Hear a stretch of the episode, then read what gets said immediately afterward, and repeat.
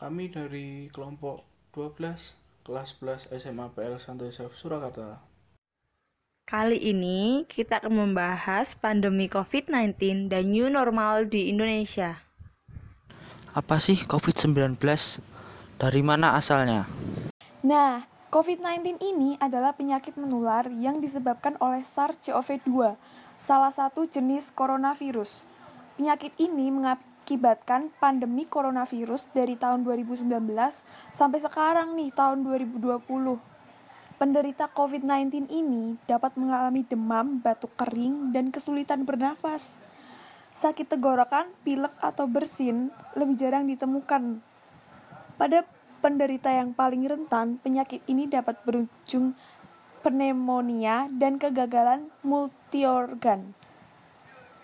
COVID-19 ini berasal dari kota Wuhan atau Cina.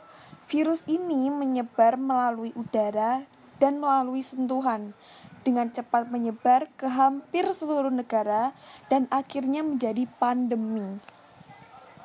Beberapa peneliti mengatakan awal mula virus ini berasal dari ke kelelawar.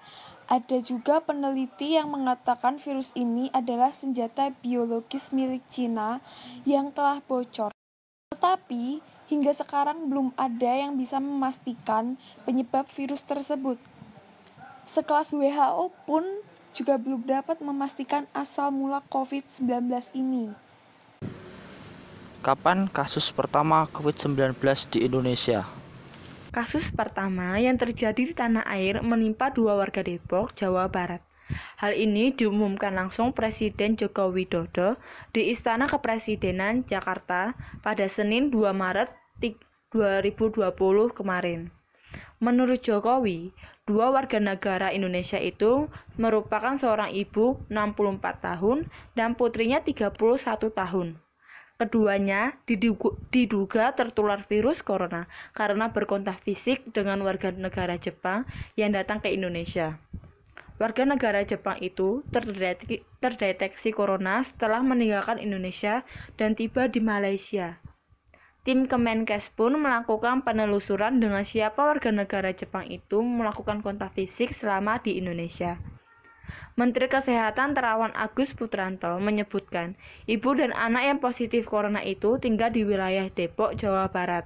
Sore ibu dan anak itu menjalani perawatan intensif di Rumah Sakit Penyakit Infeksi Sulistianti Saroso, Jakarta Utara. Terawan sempat berkunjung ke rumah sakit itu. Ia memastikan ibu dan anak dalam kondisi stabil. Kementerian Kesehatan menduga sang anak tertular corona saat berdansa dengan warga negara Jepang di sebuah klub di Jakarta pada 14 Februari lalu. Sekretaris Direktorat Jenderal Pencegahan dan Pengendalian Penyakit Kemenkes Ahmad Yuryanto menyebut total ada 50 orang yang berdansa di acara itu. Apa yang dilakukan Indonesia dalam menangani COVID-19? DKI Jakarta dan beberapa provinsi di Indonesia sempat menerapkan kebijakan PSBB atau pembatasan sosial berskala besar. Lantaran terjadi pandemi virus corona, meski perlahan memulihkan aktivitas ekonomi dan sosial warga ibu kota periode new normal juga mendatangkan persoalan serius terkait memburuknya kualitas udara Jakarta. Di bulan Maret, aktivitas pekerja Jakarta memang perlahan surut seiring hadirnya kebijakan WFH atau work from home dan social distancing untuk mencegah penularan virus corona. Hal itu pun berkontribusi terhadap turunnya tingkat polusi udara di Jakarta. Data air visual pada 23 Maret 2020 pukul 15.51 WIB menunjukkan udara di Jakarta makin bersih dengan indikator moderate atau sedang kualitas udara Jakarta menempati ranking 9. Hadirnya fase new normal membuat mobilitas warga DKI Jakarta dan Bodetabek kembali mengeliat. Mengingat kasus positif corona di Indonesia belum mengalami pelandaian. banyak warga yang menghindari transportasi umum dan mengandalkan kendaraan pribadi untuk bepergian ke Jakarta. Hal itu pun berkontribusi terhadap pencemaran udara di Jakarta yang kembali meningkat. Oh iya, sekarang kan Indonesia udah menerapkan new normal nih. Apa aja sih yang harus kita lakukan dalam menjalankan kegiatan new normal? Belakangan ini istilah new normal terus disosialisasikan keadaan baru diprediksi akan jadi kebiasaan bah umat manusia setelah pandemi COVID-19 yang berdampak sangat luar biasa ini. Kepentingan kesehatan dan kebersihan di dalam new normal mesti disosialisasikan. Hal ini saya akan memberikan cara menjaga kesehatan dan kebersihan di dalam new normal. Yang pertama, kebersihan tangan jadi yang utama. Kedua, jangan menyentuh wajah sembarangan. Ketiga, kita tutupi waktu bersin dengan tangan atau lengan bagian dalam. Empat, kita selalu menggunakan masker saat keluar atau bertemu dengan orang. Yang kelima, kita harus menjaga jarak satu dengan yang lain. Yang keenam kita bisa mengisolasi isolasi mandiri. Ketujuh kita bisa menjaga kesehatan dengan minum multivitamin. WHO juga mengajarkan kita cara mencuci tangan yang benar. Berikut ini saya akan merekomendasikan mencuci tangan yang benar dari WHO yang pertama kita tuh harus membasahi tangan dengan air dengan air mengalir. Kedua kita tuangkan sabun cukupnya. Yang ketiga kita gosok telapak tangan. Yang satu ke telapak tangan lainnya. Yang keempat gosok punggung tangan dan sela-sela jari. Setelah itu kita gosok punggung jari ke telapak tangan dengan posisi jari saling bertautan keenam Genggam dan basuh ibu jari dengan posisi memutar. Ketujuh, gosok bagian ujung jari ke telapak tangan agar bagian kuku terkena sabun. Ke-8, gosok tangan gosok tangan yang bersabun dengan air mengalir. 9, keringkan tangan dengan lap sekali sekali pakai. Oh, gitu ya protokol kesehatan new normal. Oh iya, kalian tahu nggak? Selain kasus virus corona yang menjadi sorotan di Indonesia, masalah sampah plastik di Indonesia lagi-lagi menjadi sorotan publik. Melihat perkembangan masalah sampah plastik, agaknya pemerintah memang sudah harus mempercepat perbaikan sistem pengelolaannya. Berdasarkan penelitian yang dilakukan oleh Jenna R. Jambek dari University of Georgia pada tahun 2010 ada 275 juta ton sampah plastik yang dihasilkan di seluruh dunia. Sekitar 4,8 sampai 12,7 juta ton di antaranya terbuang dan mencemari laut. Indonesia memiliki populasi pesisir sebesar 187,2 juta yang setiap tahunnya menghasilkan 3,22 juta ton sampah plastik yang tak terkelola dengan baik. Sekitar 0,48 sampai 1,29 juta ton dari sampah plastik tersebut diduga mencemari lautan. Dampak untuk Indonesia tentu saja polusi akan semakin meningkat kualitas lingkungan hidup sudah tentu akan terancam. Sudah bukan rahasia lagi kalau Indonesia adalah salah satu pusat dari ekosistem laut dunia. Perairan Indonesia merupakan rumah dari 76% spesies karang, hutan bakau, dan padang lamun. Berbagai spesies perikanan tentu akan terganggu dengan adanya sampah plastik. Jauh sebelum ditemukannya plastik pada tubuh paus sperma di Wakatobi, banyak hewan laut yang tanpa sengaja terjerat atau mengonsumsi jenis sampah yang sulit terurai. Mulai dari lobster, ikan pari, lumba-lumba, ubur-ubur, bayi anjing laut, paus pilot jantan, dan masih banyak lagi. Hewan laut yang berada di perairan dalam pun tak bisa menghindari ancaman sampah plastik. Pasalnya, kantong plastik belanjaan berhasil ditemukan di kedalaman 10.994 meter di Palung Mariana. Perlu diketahui bahwa Palung Mariana merupakan tempat terdalam di bumi. Fakta ini membuktikan betapa daruratnya masalah sampah plastik di dunia. Selain itu, lingkungan perairan yang tercemar dapat berdampak pada bio biota perairan dan dapat memengaruhi tingginya kadar garam pada lingkungan perairan.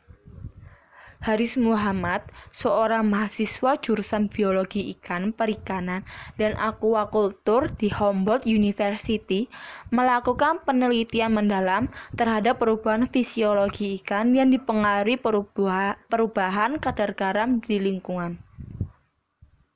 Haris melakukan penelitian terhadap perubahan struktur insang ikan air tawar yang akibat pengaruh efek salinitas atau kadar garam dalam air.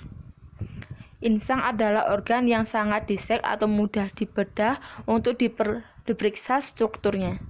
Kenapa insang? Karena sebelum ikan memperlihatkan pertumbuhan yang memburuk karena terpengaruhi faktor lingkungan, umumnya terjadi perubahan struktur insang yang dapat dijumpai lebih awal. Insang ini bersifat sangat sensitif, maka tepat dijadikan indikator. Pada insang terdapat proses osmoregulasi. Osmoregulasi ini mengatur kadar kebutuhan ion dalam tubuh saat pertukaran gas, menyesuaikan kadar ionik air di luar tubuh ikan dengan kebutuhan di dalam tubuh ikan.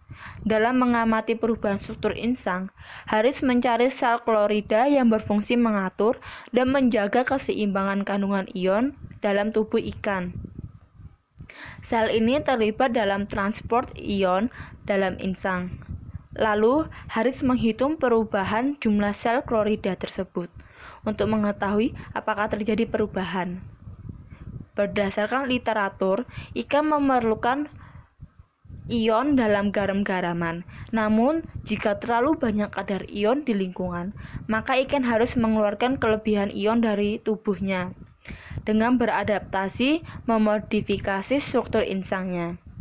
Bentuk modifikasi struktur insang ini bisa dengan beberapa cara yaitu epithelial lifting, hiperplasi antar lamela, dan hipertrofi dari sel klorida.